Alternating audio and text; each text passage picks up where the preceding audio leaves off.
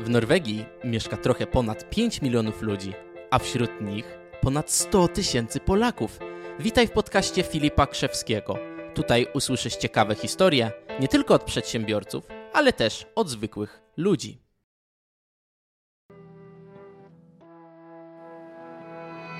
Biją fale o fiordy, my ruszamy na rajdy Drakary pełne znów płyną szukać chwały Ulice we krwi się nie ogarnie walki. Ilmer do bram Valhalla Poniosą nas Walkirie To jest ten walki zew jak w sercu dziki zwierz. Imię na ustach bardów tylko to dziś liczy się. Bo w zapomnieniu śmierć to domena tchórzy. To rude żawkowadu Każe się nie bać burzy. Żyjesz, umierasz Naturalny cykl. Dzień i noc Wciąż na krawędzi Niezależnie czy się zmieni los.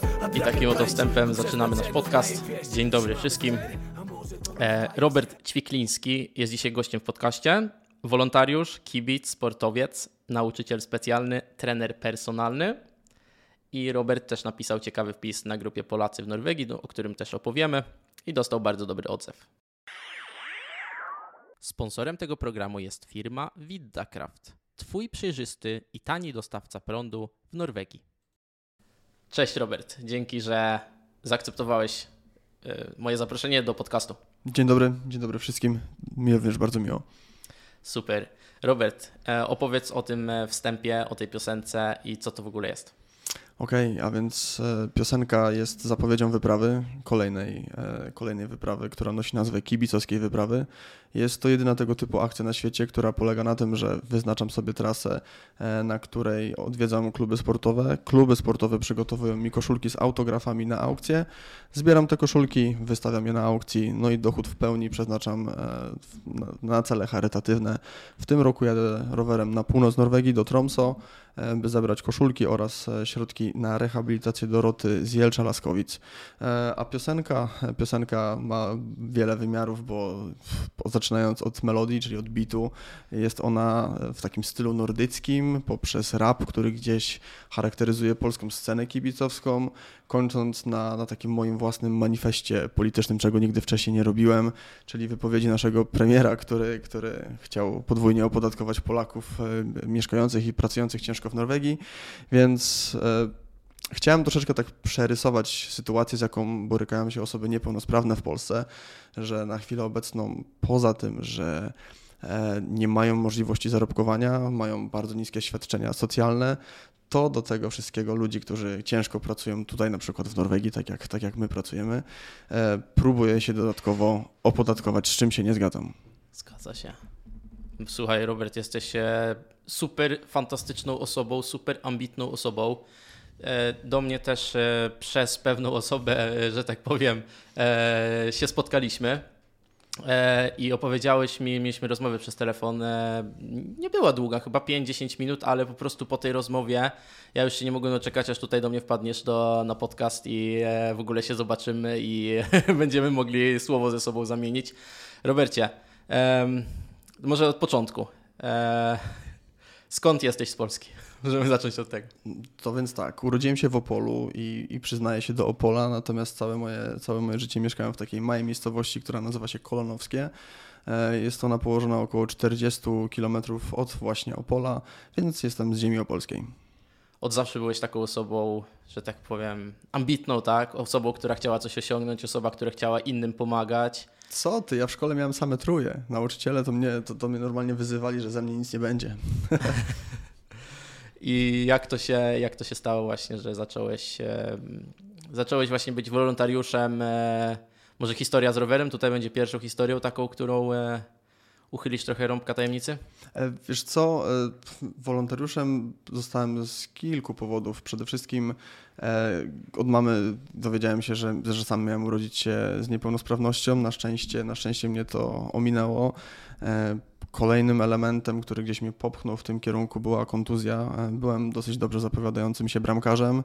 E, Na oku e, kilku, kilku poważnych klubów, no i w ostatnim meczu miałem taką przykrą kontuzję, wyłamali mi bark, no i już w tą piłkę nigdy na takim samym poziomie nie zagrałem. Grałem już sobie tak amatorsko, no i w pewnym momencie pomyślałem sobie, no kurczę, zawsze chciałem e, zagrać mecz na Wiśle Kraków, e, najlepiej przeciwko Wiśle Kraków w barwach mojej Odry.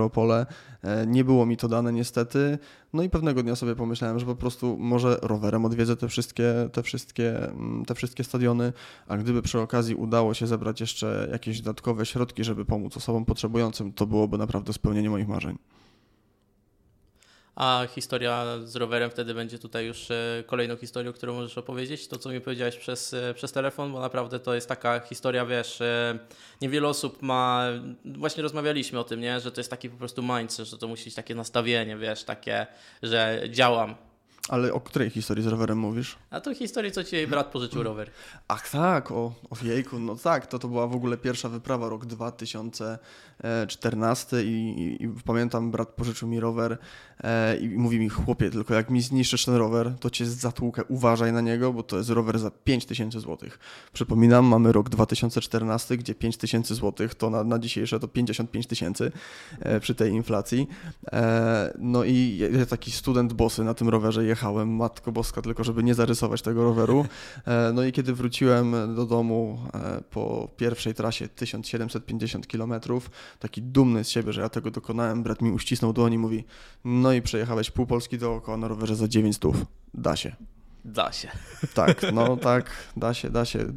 Pokazał mi w ten sposób, że naprawdę e, wiele rzeczy, które, które gdzieś nas ograniczają, to jest to, co to, co my mamy w głowie, że nie pójdę biegać, bo nie mam dobrych butów, nie wyjdę, nie wiem, nie wyjdę w góry, bo nie mam plecaka za 5 stów, a wyjdź z plecakiem, który masz za stówę, w czym on jest gorszy. Racja. To takie jest po prostu nastawienie, nie? Wiele osób tak myśli, że właśnie muszą coś osiągnąć w życiu najpierw, tak? Czy muszą coś, czy muszą mieć, nie wiem, cokolwiek, tak? Jakieś fundusze, czy muszą mieć, e, zawsze coś tam potrzeba, tak? Ale, ale właściwie jak, jak masz e, nastawienie, że chcesz coś robić, to po prostu wiesz, działasz do przodu, niezależnie od tego, czy masz, wiesz, e, rower za 900, czy masz rower za 5000.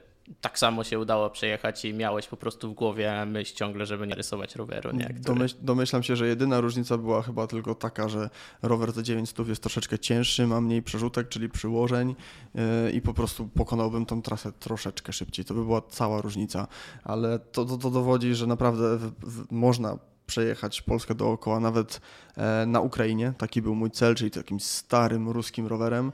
E, to zamierzałem zrobić w 2018 roku, no ale kilka, kilka wypadków miałem po drodze i niestety rower po chyba 500 kilometrach zakończył swoją podróż. No ale to chyba myślę opowiemy o tym później. A te wyprawy po Polsce, masz jakieś ciekawe historie z e, takich wypraw e, po prostu rowerowych, tak? Bo potem było jeszcze więcej, potem do Anglii jeździłeś też, nie? Tak, w ogóle no, chronologicznie układając wszystkie te wyprawy, to było ich naprawdę sporo, bo pierwsza wyprawa to e, mogę powiedzieć, że bardziej południem i centralną częścią kraju wykręciłem około 1800 km.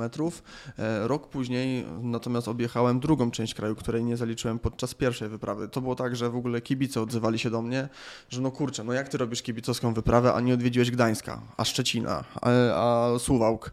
No i w ten sposób powstała druga kibicowska wyprawa, gdzie odwiedziłem wszystkie kluby, których nie odwiedziłem podczas pierwszej wyprawy.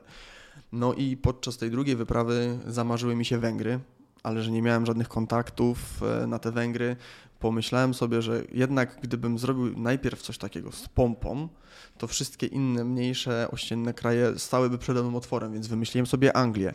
Żadnych kontaktów e, w angielskich klubach, e, po prostu przygotowałem się do, do, do trasy.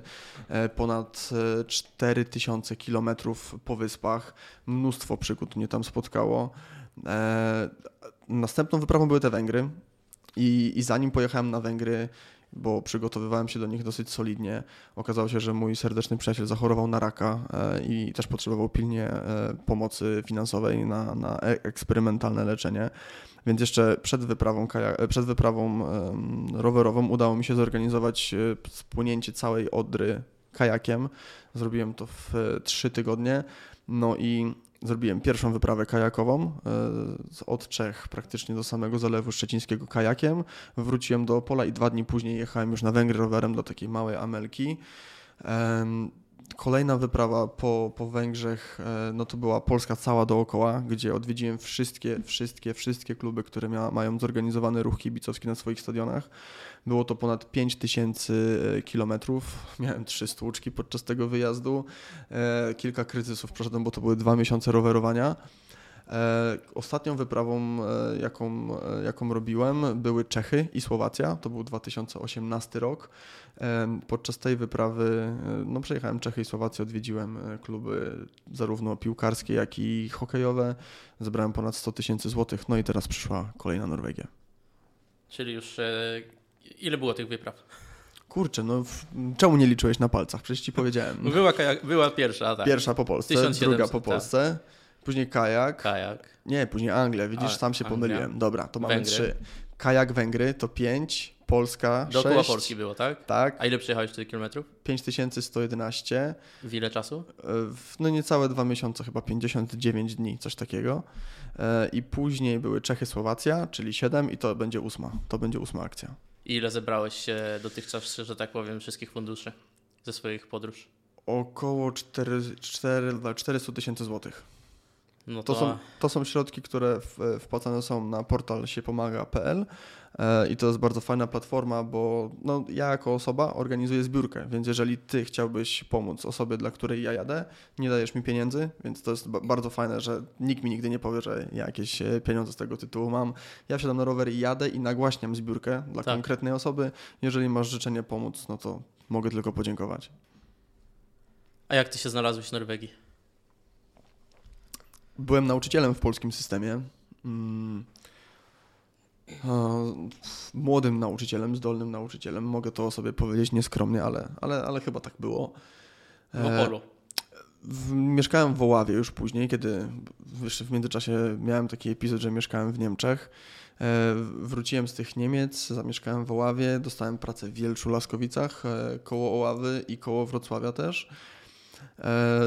E, no i zarobki nauczyciela są takie, że, że jest to naprawdę bardzo ciężko nazwać normalnymi zarobkami, bo nauczyciel, e, nauczyciel taki jak ja zarabiał 2100 zł e, na rękę i, i nawet już nie chodzi o to, że te pieniądze były małe, tylko po prostu mało godzin. Nie można było tych godzin dostać więcej, bo jest to odgórnie przyblokowane. Nauczyciel może mieć maksymalnie półtorej etatu. No i gdzieś po prostu to, to, to wiązało się z tym, że no dobra, mam mało godzin, więc muszę znaleźć sobie dodatkową robotę. Pracowałem jako trener piłki nożnej w Akademii Piłkarskiej e, Galacticos, która, którą bardzo serdecznie pozdrawiam. Chłopaki e, robią w Oławie bardzo dobrą robotę. E, sam też otworzyłem własną akademię bramkarską i naprawdę zaczęło się to rozkręcać, ale w pewnym momencie zdaliśmy sobie sprawę wraz z narzeczoną, że no kurczę, ja wychodzę z domu o 6 i wracam o 17, o 19 i, i nic z tego życia nie ma. No i po prostu to, to, to, wszystko, co się też działo w polskiej polityce, zdecydowaliśmy, że wyjeżdżamy i wyjechaliśmy w tamtym roku w marcu. Jak wyjechaliście na po prostu na żywioł? Nie, ten wyjazd był przygotowany. E, hmm, jak, jak, jak to określić? My wiedzieliśmy, gdzie jedziemy, przeczytaliśmy kilka książek, e, zanim się tutaj przeprowadziliśmy. Mieliśmy, mamy też tutaj brata, ja mam tutaj brata, który był wcześniej, więc pierwsze dwa tygodnie mogłem liczyć na jego wsparcie, dopóki nie znalazłem własnego mieszkania, no a później już praca, mieszkanie e, i, i to jakoś poszło.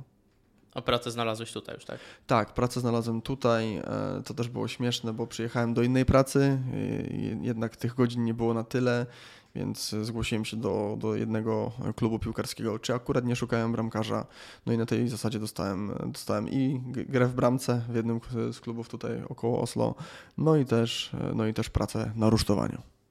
Mhm. I jak dalej się potoczyła Twoja historia tutaj norweska? Pracowałem tak 6-7 e, miesięcy na rusztowaniu. W międzyczasie też kończyłem studia magisterskie. E, czasami zlatywałem do Polski na te zajęcia. No i na siłowni, na którą chodziłem, właściciel takiej mniejszej e, siłowni zobaczył właśnie, że, że kręcę film. Kiedy powiedziałem mu, że jest to film trenerski, zaproponował mi pracę. I to w ogóle było coś, co dało mi naprawdę dużą wiarę w siebie, że ja naprawdę mógłbym to robić. okazało się, że kiedy, kiedy właśnie już dostałem tą pracę, e, jestem całkiem dobrym trenerem tutaj w Norwegii, bo w Polsce też pracowałem jako trener, ale robiłem to po polsku. Tutaj robiłem to e, po angielsku, ucząc się norweskiego dodatkowo i gdzieś ta niepewność e, we mnie była. Jednak każdy kolejny klient, klient gonił mi kolejnego klienta i naprawdę udało mi się zebrać na tyle tych klientów, że pomyślałem sobie, kurczę, może spróbować robić to na pełen etat. I rozesłałem e, swoje CV po różnych e, siłowniach. No i dostałem pracę tutaj w, w Satsie. Pracuję w mhm. Satsie mhm. Rien, czyli niedaleko centrum. E, I jestem tam trenerem personalnym. Ostatnio miałem rocznicę 15 marca, jak wszedłem na rusztowanie przy minus, przy minus 10. 10 tak. I, I tego dnia było chyba w ogóle e, minus 12 czy 15, było bardzo zimno, jakaś duża mgła i wstałem tak o poranku i, i strasznie się cieszyłem. Moja narzeczona się pyta, no, ale co, co się dzieje, że ty taki uśmiechnięty e, przy tak brzydkiej pogodzie. No i mówię, no popatrz, ten dzień jest piękny. Rok temu przy minus 10 ja wychodziłem na rusztowanie, teraz jest minus 12, jest paskudna pogoda, ja idę do pracy, pracować z ludźmi, których lubię, e, ro, robić to, co kocham.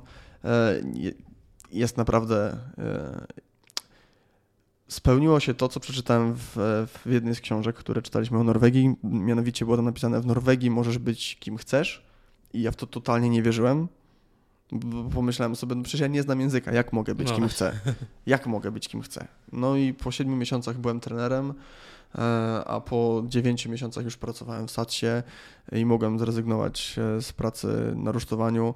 I, I dzięki temu wszystkiemu, co wcześniej robiłem, mam olbrzymi szacunek dla ludzi, którzy, którzy pracują też e, bardzo ciekawe rozmowy wywiązują się między nami trenerami, bo, bo kilku moich znajomych Norwegów mówi, no Robert, no ale wiesz, Polacy się nie uczą tego norweskiego, jest dla nich to ciężkie, oni nawet nie próbują. No ale ja byłem po tej stronie. Ja wiem, jak to jest, kiedy po 10 godzinach, na przykład na tak, rusztowaniu, tak, albo.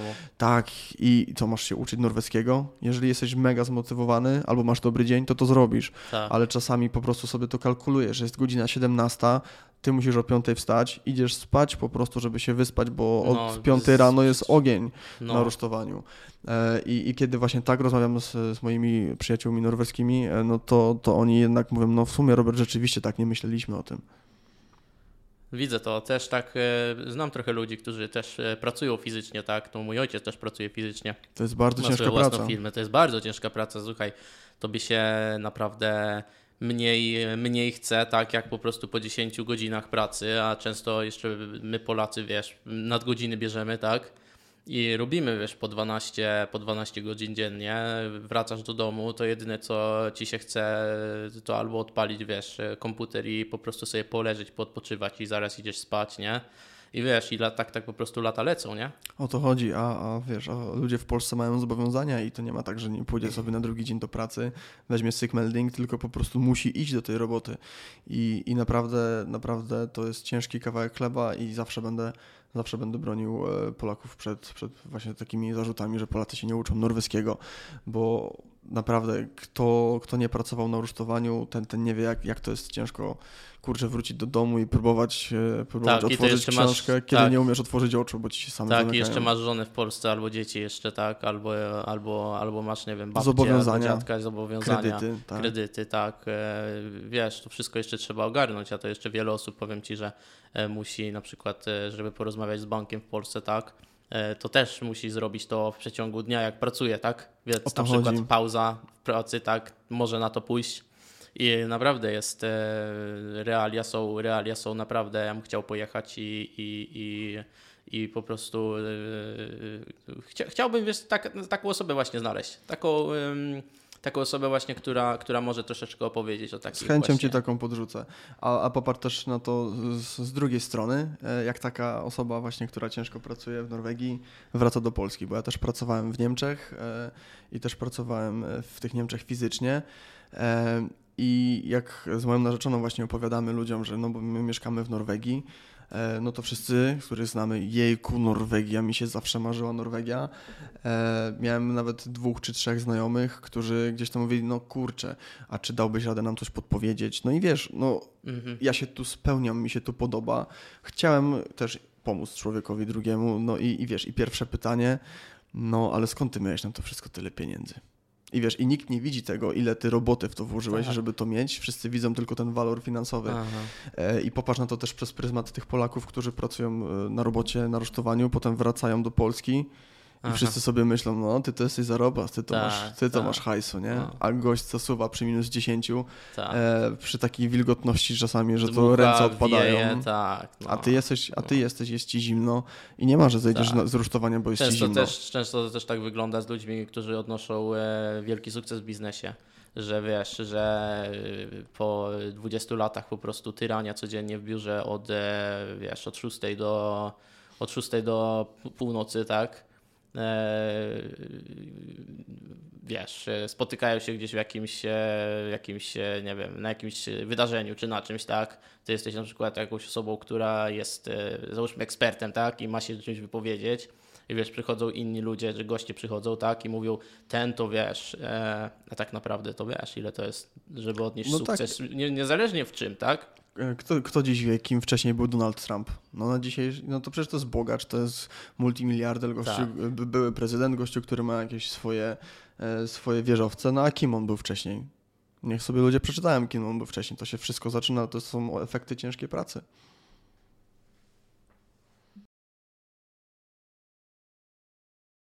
Już trochę o tobie wiemy i e, twoje początki w Norwegii. To były, to były rusztowania, e, było, e, znalazłeś pracę jako trener personalny. E, kiedy to było? W grudniu. E, W grudniu też w ogóle śmieszna historia się z tym wiąże, bo ja pojechałem na złą, złą siłownię. E, Ja pojechałem na. Miałem rozmowę na satsie Rien, a pojechałem na satsie Roya. E, I, i, I wiesz, rekruter na mnie czekał, ja mu wysłałem SMS-a, że no sorry, ale pomyliłem miejsca, nie dojadę. No i takie szczęście, ja nie wiem, takie szczęście mnie spotkało, że przełożyliśmy to o tydzień. No, Gdyby mnie to spotkało, gdybym ja był kierownikiem, to ja nie wiem, czy dałbym facetowi drugą szansę, który nie, podru- nie potrafił odróżnić Ryan od Roya. A ja, a ja też wtedy byłem na projekcie na budowie koło Roya i byłem taki szczęśliwy, że no kurczę, to jest zaraz Blisko, obok. tak. Tak. Spakowałem wszystkie rzeczy do plecaka i mówię, zaraz obok idę na Satsa, a tu to nie to miejsce.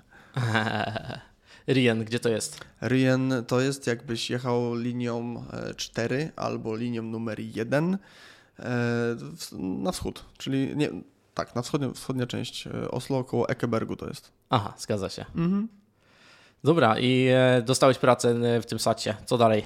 Przygotowuję się teraz pilnie do wyprawy. E, Poza tym, że pracuję z klientami, to e, du- dużo trenuję pod akcję, która mnie czeka, bo jednak e, do Tromso prowadzi około 2000 górzystych kilometrów, e, pełnych podjazdów, zjazdów, nie tylko pięknych widoków, e, bo na te górki, żeby jednak ten widok móc ujrzeć, trzeba jednak wjechać wcześniej.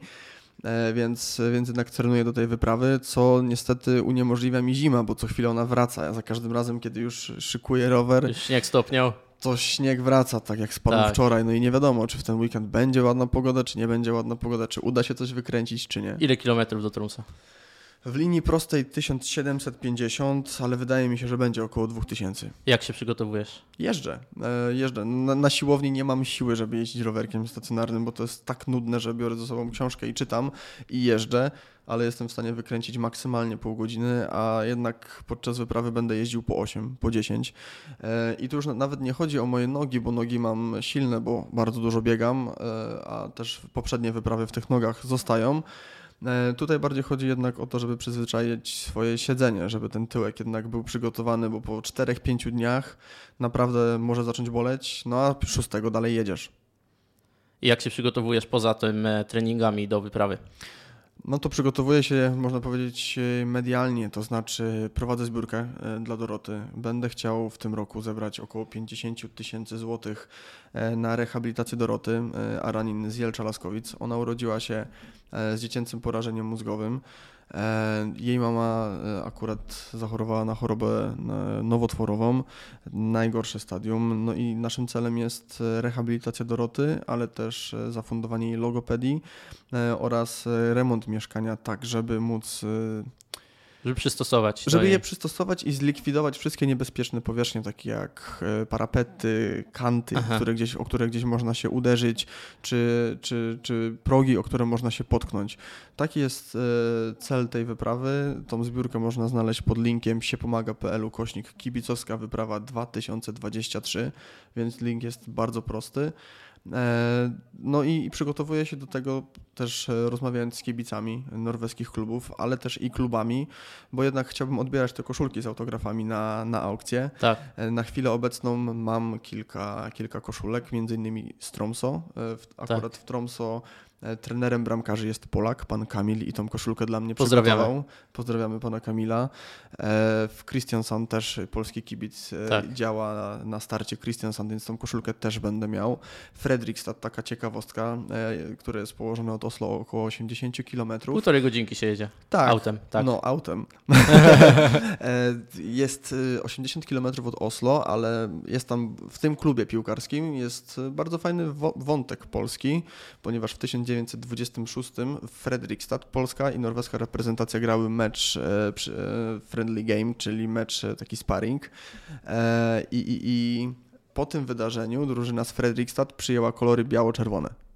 Bo grali przeciwko Polakom, którzy grali w strojach A to biało-czerwonych. ciekawa historia. Taki mały smaczek. Aha.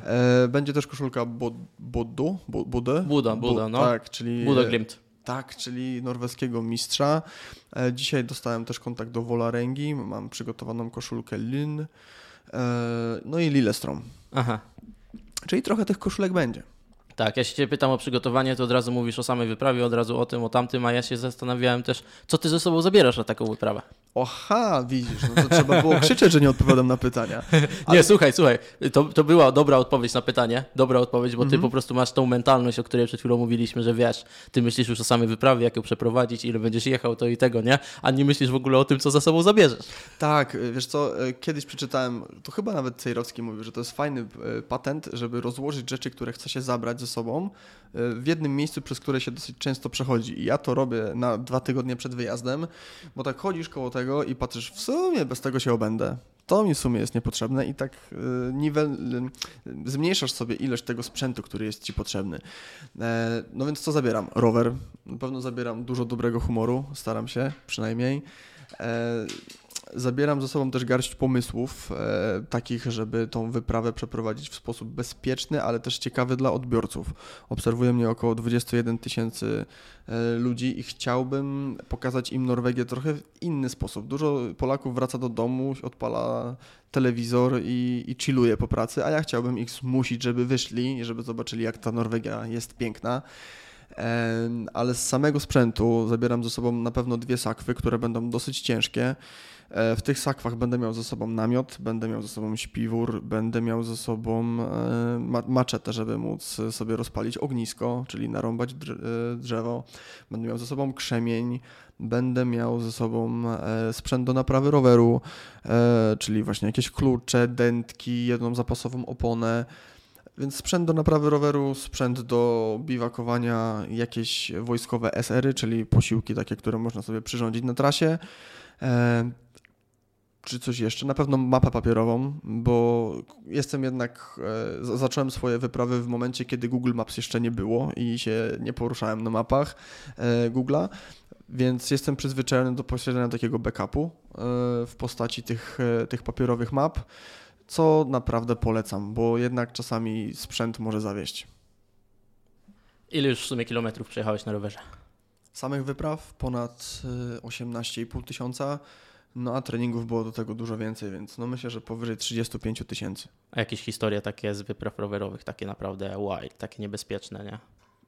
No to atak uchodźców, e, kiedy jechałem do Anglii, 2016 rok, to był czas największego kryzysu migracyjnego w Europie. Em, Byłem niedaleko Bielefeldu, czyli no już praktycznie wyjeżdżałem z Niemiec. Em, No i i jakoś wtedy w ogóle nie, nie miałem mapy Google'a w telefonie, tylko od sponsora dostałem taką specjalną nawigację na rower. Byłem przeszczęśliwy, bo nie musiałem jednocześnie e, używać telefonu i, mm, i zużywać swojej baterii. Mogłem być cały czas pod telefonem, co było dla mnie bardzo ważne i korzystać z innego urządzenia do nawigacji. To było świetne. E, I, i, i nawigacja poprowadziła mnie trasą rowerową wzdłuż domków jednorodzinnych i coś mi się nie podobało, bo zazwyczaj jeździłem tak na uboczach, żeby omijać główne trasy. Wprowadziła mnie w domki jednorodzinne i nagle zgłupiała. Zatrzymałem się i próbowałem właśnie się rozeznać, gdzie jestem. E, I, I, zobaczyłem, że z, z domku obok wychodzi taki dwumetrowy gość, e, wielki. Pokazał na mnie palcem, wybiegło dwóch kolejnych. Zanim wybiegło dwóch kolejnych, to już ich było pięciu i dwóch kolejnych i wszyscy biegli w moim kierunku. Skąd oni byli?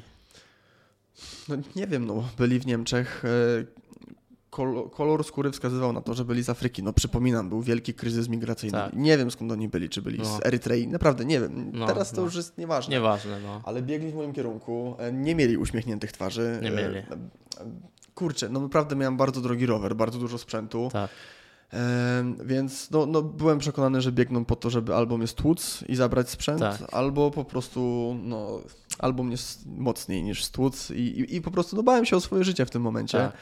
E, miałem ze sobą racę rowerową, e, racę rowerową, przepraszam, miałem ze sobą racę morską, taką, którą kibice czasami na stadionach odpalają. Tak. E, miałem, mam ją zawsze przy sobie na rowerze w jakichś sytuacjach kryzysowych. Tak.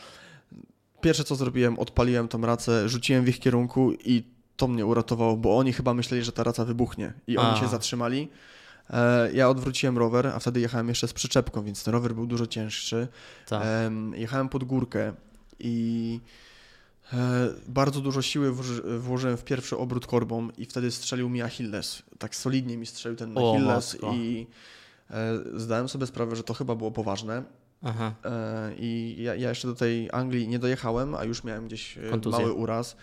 Przejechałem na tym około 800 km, gdzie dojechałem do Anglii i w Southampton e, moi znajomi zaprowadzili mnie do fizjo. E, okazało się, że jest to zapalenie ścięgna Achillesa. Aha. E, ogólnie wskazanie jest takie, żeby siedzieć odpoczywać dwa tygodnie. No. Wyprawa trwa, za chwilę muszę wracać na studia. Nie mam czasu i też nie mam możliwości, tak. bo, bo, gdzie zostać u, u obcych ludzi byłoby mi bardzo ciężko. Tak.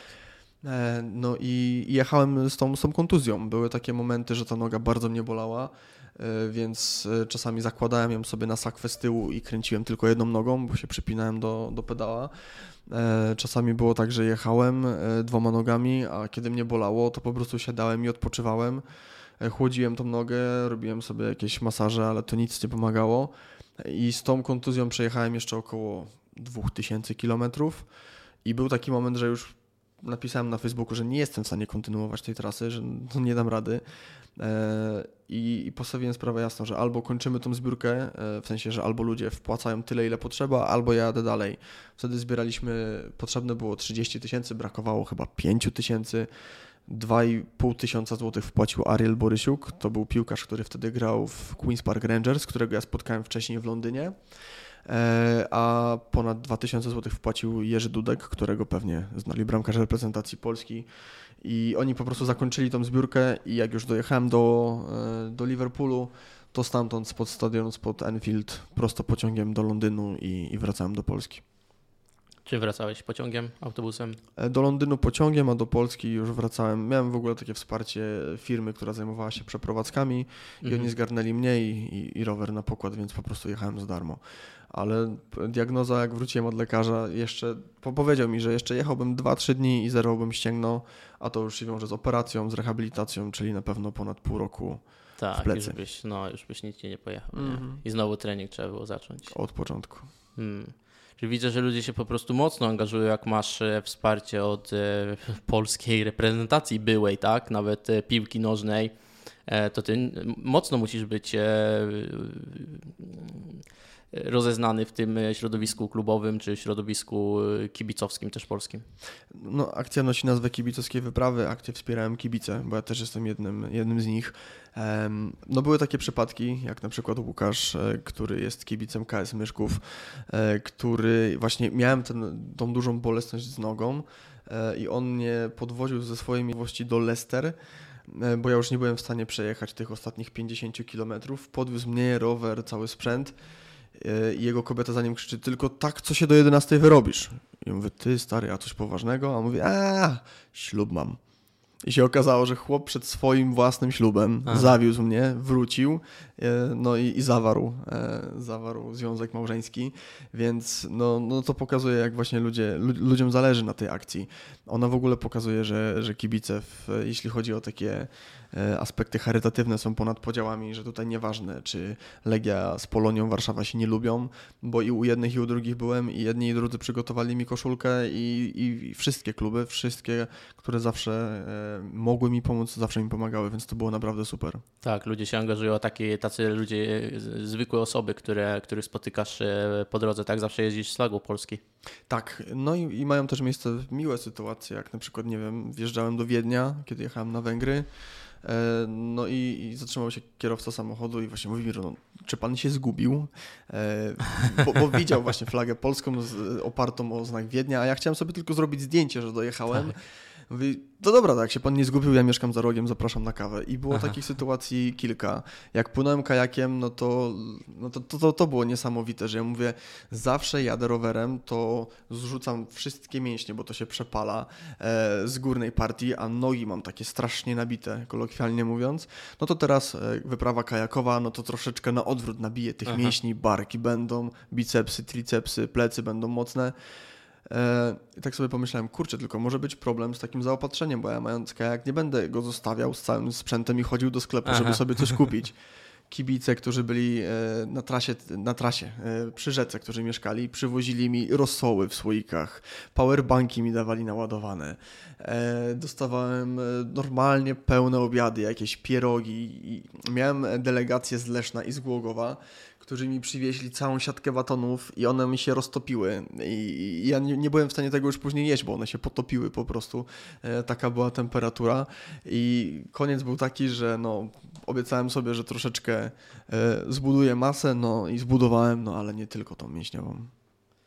Jak norwescy znajomi tutaj e, w Norwegii reagują na te twoje wyprawy, tak? Bo mm, norweskiego kanału jeszcze nie masz. Nie, nie, nie informujesz Norwegów e, w większym, że tak powiem, stopniu, tak jak robisz to e, polskimi kanałami, tak? Bo masz e, wielu obserwujących, tak jak mówiłeś, 20 tysięcy osób ciebie followuje na różnych mediach społecznościowych, jak to u Ciebie wygląda, jak opowiadasz właśnie Norwegom o takich swoich wyprawach i też na przykład taka jedna wyprawa, no bo przecież kurczę, Ty jesteś facetem po prostu z krwi i kości, tak? Z tym po prostu zapaleniem Achillesa przejechałeś, ile tam było? 800 km, jeszcze 2000 km Dwa- przejechałeś? 2000. 2000. Jak, jak to ludzie po prostu odbierają tutaj e, w Norwegii, jak, jak, jak, jak im opowiadasz po prostu o tych swoich e, dzikich wyprawach? No, kiedy opowiadam klientom, że jadę do Tromso, no to, to w ogóle się mówią, kurczę, no mi się tam samochodem nie chce jechać, a Aha. co dopiero rowerem. Rowerem. E, No ale jeśli chodzi o, o właśnie nagłośnienie akcji w Norwegii, to jest to o tyle ciężkie, że Norwegowie nie odpisują. E, Mam nawet e, klienta jednego, który pracuje w norweskiej telewizji, próbował popchnąć sprawę dalej i, i, i temat utknął.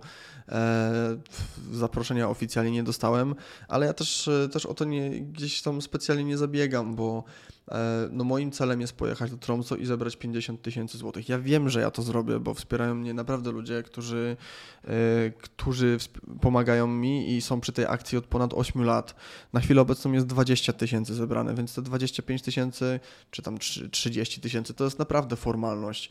E, Mam e, dzięki, dzięki Tomkowi, dzięki naszemu wspólnemu znajomemu, mam dostęp e, do grupy Polaków w Norwegii, z której zamierzam skorzystać, bo chciałbym Mhm. e, przybliżyć ludziom raz e, samą ideę wyprawy, dwa też problem Doroty, z którym ona się boryka. Mam nadzieję, że to też wpłynie na, na zbiórkę. E, Mhm. No a jeśli chodzi o promocję w Norwegii, no to ona jest o tyle trudna, że nikt nie odpisuje. Ja wysłałem Tak. podczas samej wyprawy e, chyba z 200 maili o patronaty medialne do, do lokalnych miejscowości, do lokalnych telewizji, do radia. Nie dostałem odpowiedzi. Tak samo było z klubami piłkarskimi. I teraz Ci powiem śmieszną historię, e, bo dograło z Lechem Poznań. Tak. Nie wiem, czy pamiętasz, w, w lutym. I, I zagadałem z moim kolegą, który gdzieś odpowiada za, za kibiców w Poznaniu i mówię, słuchaj, wiesz co, jak będziesz tam z nimi pisał, bo na pewno są w kontakcie, to czy mógłbyś im napomknąć, że ja jadę tym rowerem? A on mówi, stary, oni mi nie odpisują na maila od, od grudnia. E, no i tak jakoś się zawziąłem, że przed rewanżem pod każdym ich postem pisałem po angielsku, po, po norwesku, że macie maila, sprawdźcie tego maila, podawałem swój adres, nie odpisali mi i w końcu przed dzień rewanżu e, między Lechem i mecz był w Poznaniu i na ich stronie, wrzuciłem komentarz, że nieodpisywanie polskiemu kibicowi w dzień, e, w sprawie charytatywnej, w dzień, kiedy wygracie rewanż w Poznaniu, czyli w mieście w Polsce, przyniesie wam pecha, zobaczycie. I tam ponad 120 polubień tego komentarza.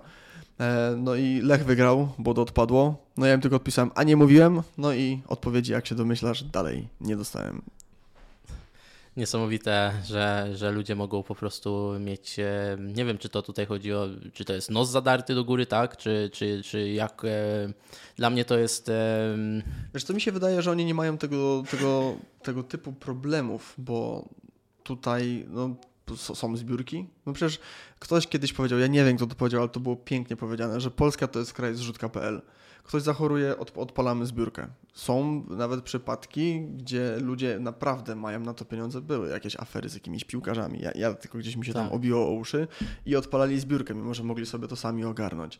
Ale są e, takie sytuacje, że ludzie naprawdę muszą odpalić tą zbiórkę, bo ich nie stać na to, żeby Może to, to są po prostu kulturowe, kulturowe, kulturowe różnice, tak? A w Norwegii tego problemu nie ma. W, w, Norwegii nie robi się zbiórki, bo ktoś zachorował na raka, bo tu działa system. W Norwegii nie robi się problemu e, z tego, że jest dziecko z porażeniem mózgowym czy z zespołem Downa. Ono ma nauczyciela specjalnego i ono idzie do specjalnej szkoły, no i wszystko. Właśnie szkoła, szkoła polska szkoła sobotnia. Opowiadaj. No to jest projekt, który e, działa w miejscach, gdzie, gdzie Polonia jest naprawdę duża. E, jest to szkoła, która, no wiadomo, dzieci tutaj w Norwegii uczą się norweskiego, uczą się, e, uczą się pisać, uczą się czytać, wszystko w języku norweskim. Nie mają tego kontaktu z językiem polskim poza rodzicami, a Polska Szkoła Sobotnia jest to projekt nie tylko w Norwegii, bo też na przykład w Anglii, który pozwala dzieciom spotykać się z językiem polskim pracują w niej nauczyciele, którzy, e, którzy pracowali w polskich szkołach, mają doświadczenie naucza w nauczaniu dzieci.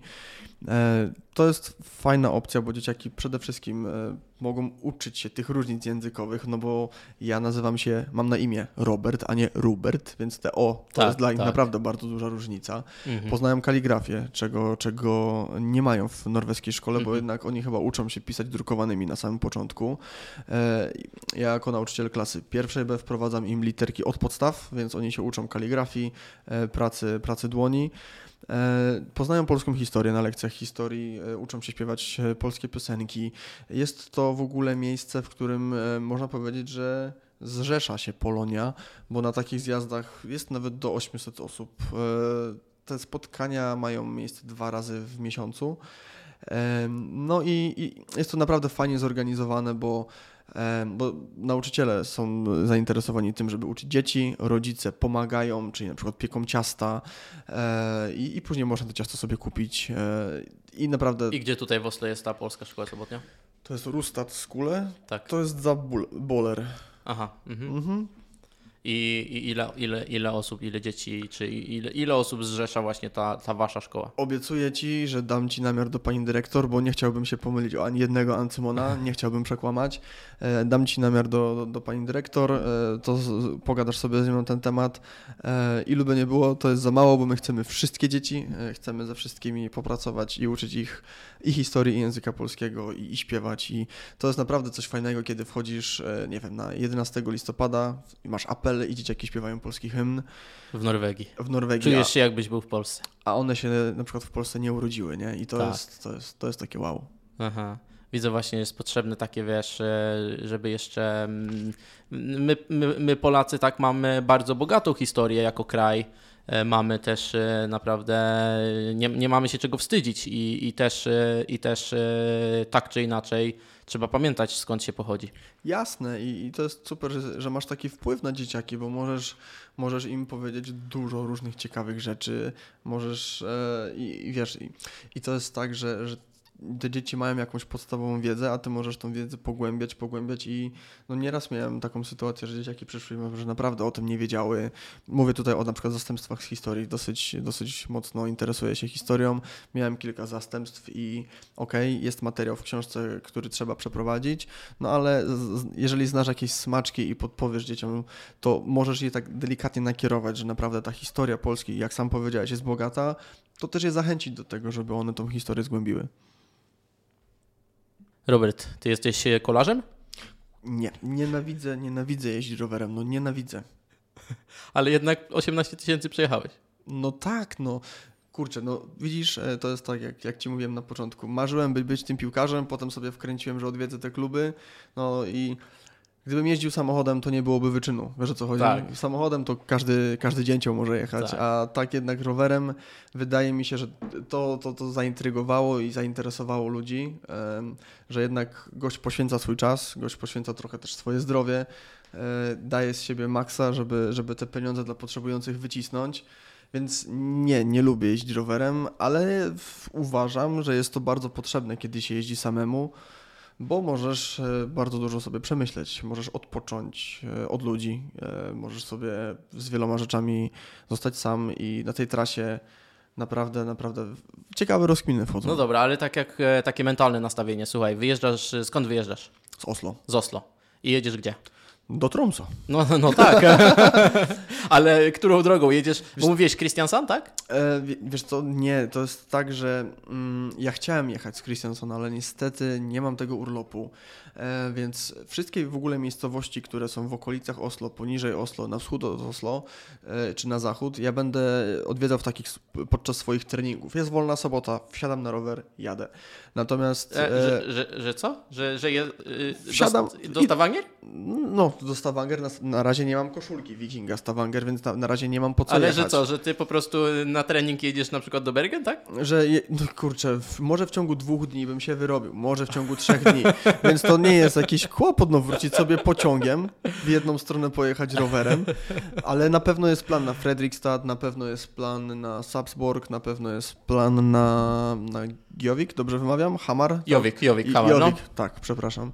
No więc taki jest plan, żeby takie odcinki sobie porobić w ramach treningu, a sama wyprawa zaczyna się e, w Oslo i kieruje się w stronę Trondheim, no i później wschodnim wybrzeżem e, do Bodo przez Lofoty do Tromsø. No dobra, ale tak wyjeżdżasz z Oslo, tak jak zaczynaliśmy, Mhm. nie? I teraz słuchaj, co ty masz w głowie, jak wie, wiesz, że do Tromsø jest tam, wiesz, 2000 kilometrów, tak? Chyba ty mówisz, tak? Tak, 2000, tak, tak. no. I co ty myślisz sobie, że teraz tak, ile razy ty dookoła, e, ile razy się łańcuch obracza dookoła? Nie, nie, nie, nie. Wiesz co, ja, Nie sobie, ja sobie myślę zawsze tak, że pierwsza przerwa jest po około 2-3 godzinach jazdy i muszę się na tym skupić. Więc ja sobie to pr- e, trasę staram rozłożyć na jakieś odcinki, bo jakbyś tak miał sobie myśleć, że jeszcze 2000 km, no to jeżeli jest to coś, co uwielbiasz robić, to się tylko na to cieszysz. Natomiast no, w, chwilach jakichś kryzysów możesz się załamać. E, miałem takie załamanie podczas polskiej wyprawy, jak już byłem trzeci raz potrącony, już jechałem ze wstrząsem mózgu i mówię, no kurczę, zostały mi 4 dni do końca, pierdziele nie jadę i tak zrealizowałem cel. Wstrząs mózgu? Tak, jechałem ze wstrząsem mózgu, to wiem na pewno. E, Opowiadaj. Wiesz co, no w Polsce się jeździ jak się jeździ. E, to jest tak, że... Miałeś wypadki, tak?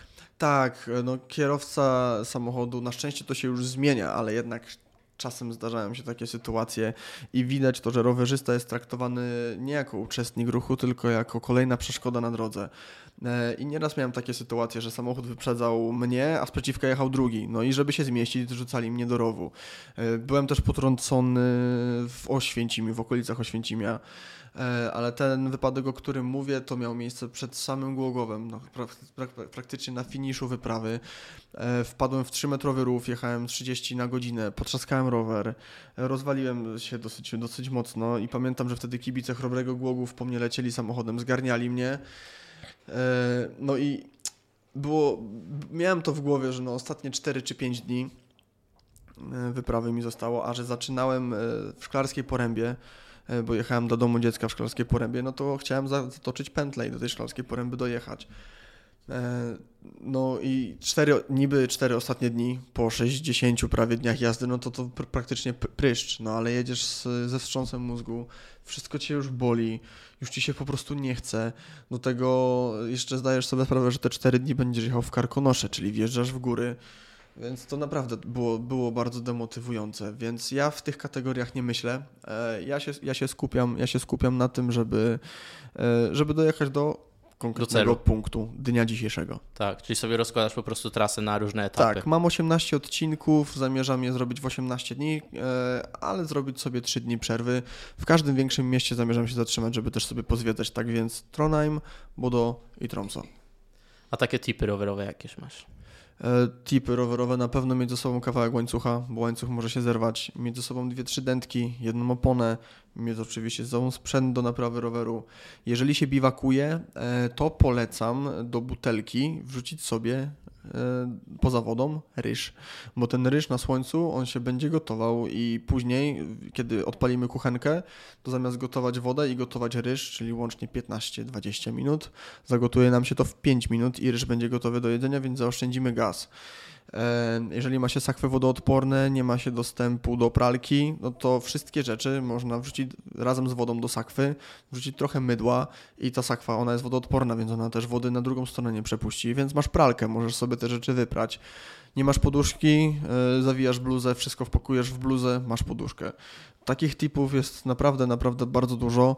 E, no ale najważniejszy tip e, na wyprawie rowerowej to mieć oczy dookoła głowy, bo czy to jest Norwegia, Polska, Czechy, zawsze możesz trafić jakiegoś dzięcioła, który może, nie wiem, kichnąć w momencie, kiedy cię wyprzedza, albo przez nieuwagę, albo po prostu e, może się stać jakaś straszna sytuacja i wpakować cię w niezłe tarapaty, więc ja jak jeżdżę, no to ja patrzę dużo do tyłu, dużo na boki, orientuję się i wiem, że jest za mną samochód, który jest 300 metrów e, i na przykład widzę, kiedy mnie zaczyna wyprzedzać, więc wiem, czy mam zjeżdżać do boku, to też jest ważny tip.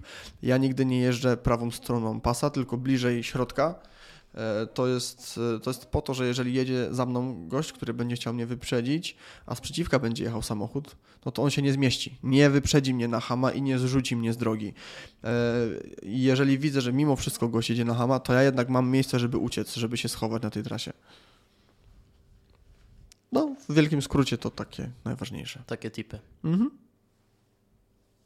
A jakieś takie przyjazne przygody z, którym, z jakimiś osobami znanymi, może z jakimiś osobami, e, które spotkałeś na, na swojej drodze jako podróżnik? No to na pewno Węgry będę wspominał e, bardzo sympatycznie. E, pamiętasz, jaki, jaki napój alkoholowy pije się na Węgrzech? Nie palinka. To jest, to jest taki, taki bimber, można powiedzieć. Oficjalnie możesz, oficjalnie możesz kupić taką palinkę w sklepie, ale wiadomo, Węgrzy też robią taki bimber w domu. No i ja pewnego dnia przejechałem, no ja nie wiem, ze 120 km. Węgry to jest dosyć płaski kraj, na północy są góry. Ja jechałem do miejscowości Sombate, jednej ze starszych miejscowości na Węgrzech. E, do niej prowadzi e, droga przez same pola. Ja jechałem w ostrym słońcu, 120 km. Na godzinę. 120 km nie na godzinę, to był odcinek tego dnia. Chciałbym tyle jeździć, naprawdę chciałbym tyle jeździć, ale niestety jeszcze nie wykręciłem takiej prędkości. E, no i kiedy dojechałem utrudzony po całej tej trasie, chłopcy mówią mi, że mogę spotkać się z największą słabą, sławą piłki węgierskiej, czyli Gaborem Kirajem. To jest ten bramkarz, który grał całe życie w, w zwykłych szarych dresach on z tego zasłynął. E, mogę się z nim spotkać pod warunkiem, że wypiję e, jednego szota do, domowej roboty palinki. Ja im mówię, chłopaki, przecież przejechałem 120 km rowerem w słońcu, przecież jak ja to wypiję, to ja umrę.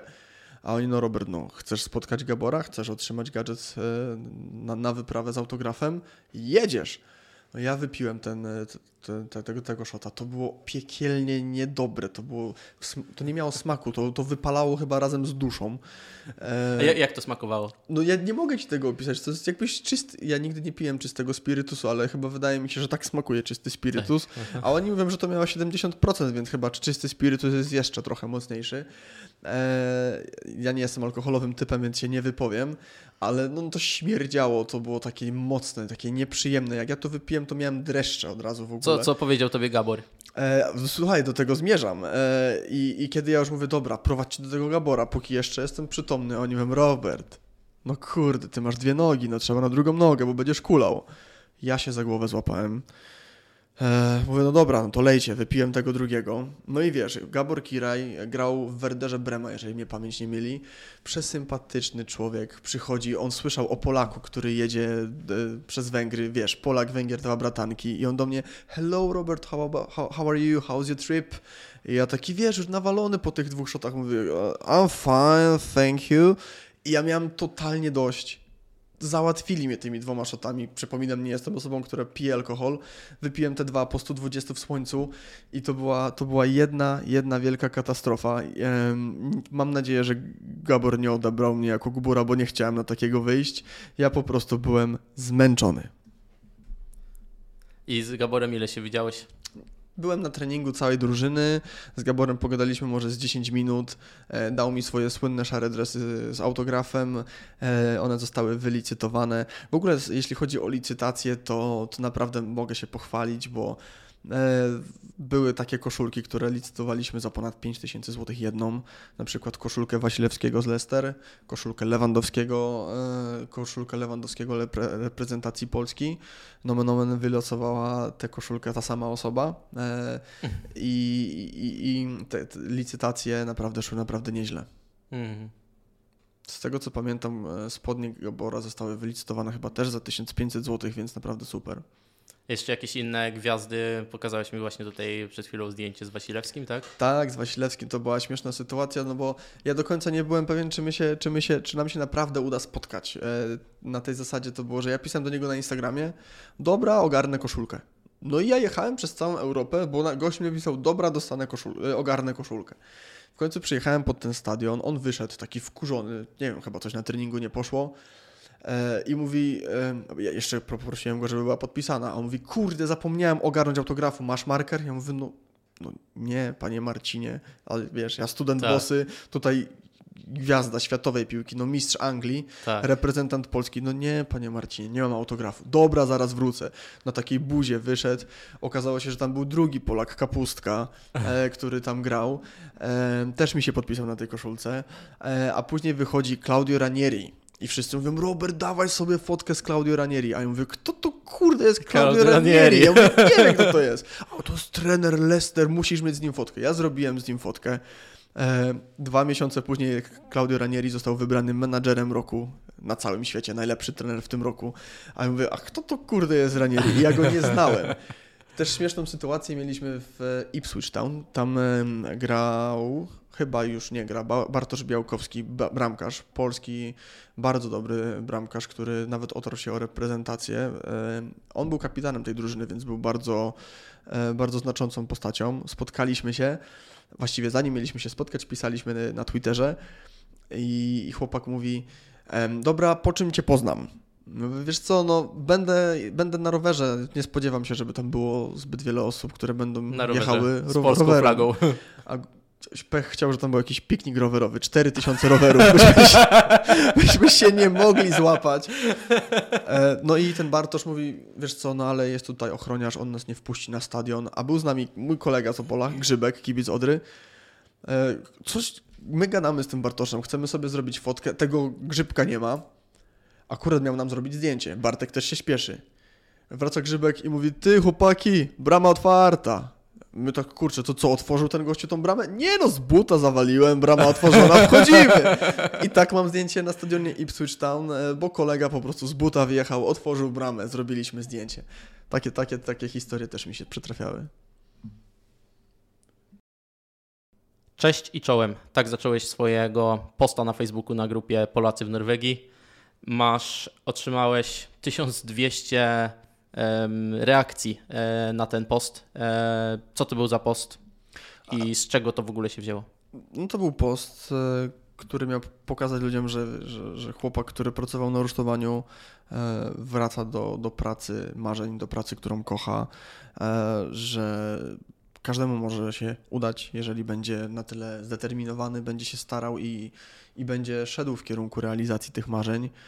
No, wiesz co, jestem dumny z tego, że nie było tam żadnego hejtu, bo jednak e, na tych, na tych zdarza grupach się. zdarza się hejt. E, czasami aż strach się o coś zapytać. 1200 reakcji 1200 pozytywnych reakcji plus komentarze. Naprawdę to było bardzo fajne. Dużo z tych osób, które gdzieś tam skomentowały, przyszły do mnie na trening. Jesteśmy w kontakcie. Mam nadzieję, że będę z nimi trenował.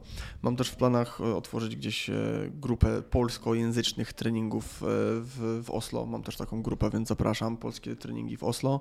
Jeżeli ktoś będzie chciał trenować w języku polskim, to, to, to zapraszam do siebie. No ale ten post to naprawdę no, po, pokazał, że ludzie mają dobre serducha. To jeszcze raz, kiedy, kiedy wyprawa się zaczyna? 5-8 czerwca. Muszę jeszcze zamówić bilety powrotne z Tromso. Jak, e, jak tobie kibicować? Najlepiej kibicować mi poprzez wejście na Facebooka kibicowskiej wyprawy, zostawienie tam e, obserwacji. No i przede wszystkim. Jak się nazywa e, profil? Tak jak sama nazwa, kibicowska wyprawa, tak, Mhm. mnie, tak mnie wszyscy Państwo możecie znaleźć, ale jednak największym e, wyznacznikiem aprobaty dla tego, co robię, będzie wpłata symbolicznych 5 zł dla Doroty. Można to zrobić pod prostym linkiem siepomaga.pl ukośnik kibicowska wyprawa 2023. Tam na chwilę obecną około 20 tysięcy złotych brakuje, jeszcze 30. E, I naprawdę każda, każda piątka ma znaczenie, bo obserwuje mnie 20 tysięcy osób. Gdyby każdy wpłacił 5 tysięcy złotych, to na chwilę obecną mamy już 80 tysięcy złotych i zbiórkę zakończoną, więc taka naprawdę zwykłe 5 złotych naprawdę ma znaczenie. Gdyby każdy Polak w Norwegii, a jest ponad, nas tutaj ponoć 120 tysięcy zarejestrowanych, gdyby każdy Polak tutaj w Norwegii wpłacił e, 10 zł, 20 koron, e, to by już była naprawdę 20 koron, e, 10 zł, no to by było... Byłoby pieniędzy, naprawdę. Byłoby było pieniędzy. 240 tysięcy. To ja bym e, za te pieniądze, poza tym, że pomógłbym Dorocie, zamknąłbym kolejne trzy zbiórki, bo też jestem na to przygotowany. Ostatnie dwie zbiórki udało mi się zamknąć e, w czasie trwania wyprawy, więc jestem przygotowany, że jeżeli zakończymy zbiórkę dla Doroty, otwieram kolejną, żeby ten mój wysiłek e, i całe te zaplecze medialne, które, które robię, żeby to nie poszło na marne, żeby e, wyczyn, który robię, mógł przynieść korzyść też innym osobom. To na koniec e, dziękuję Tobie jeszcze raz, tak jak na początku Tobie dziękowałem za to, za to że chciałeś e, wystąpić jako gość e, w moim podcaście. To ja w ogóle bardzo dziękuję za zaproszenie. Jest mi bardzo miło. Mam nadzieję, że Twój podcast się rozniesie po Polakach w Norwegii, e, ale i nie tylko. Mam nadzieję, że będziesz miał tutaj fantastycznych gości. Sam też postaram Ci się kilku e, gości przyprowadzić. No i zmotywujmy Polaków do robienia czegoś więcej. Zgadza się, zgadza się. A jeszcze takie ostatnie pytanko Jasne. może Tobie zadać na koniec. Jakie masz, jaką masz taką radę dla osób, które chcą osiągać duże cele w życiu? Nie bać się. Nie bać się mierzyć wysoko. Kurczę, e, no jeżeli nie będziesz mierzył wysoko, no to dalej będziesz w tym miejscu, w którym jesteś, nie? Wydaje mi się, że to, to będzie taka, taka ważna rzecz. Niezależnie co chcesz robić. Niezależnie co chcesz robić, bo jeżeli chcesz się spełniać jako rowerzysta, jedź do Tromsø, jeżeli chcesz się spełniać jako piłkarz, trenuj, jeżeli chcesz się spełniać jako e, sprzedawca, korzystaj z różnych technik, e, rozwijaj się, e, przyj, Rób, rób co lubisz. Przyjdź do przodu, rób to, co lubisz, idź w to i przede wszystkim się nie bój, bo ja się naprawdę bałem pójść w kierunku e, tego treningu personalnego.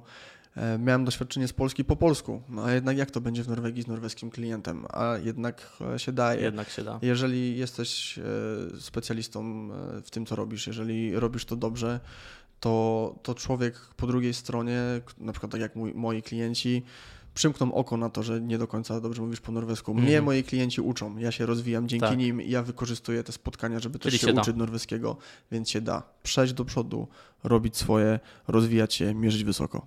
Dziękuję Tobie za dzisiaj. Dziękuję, pozdrawiam wszystkich.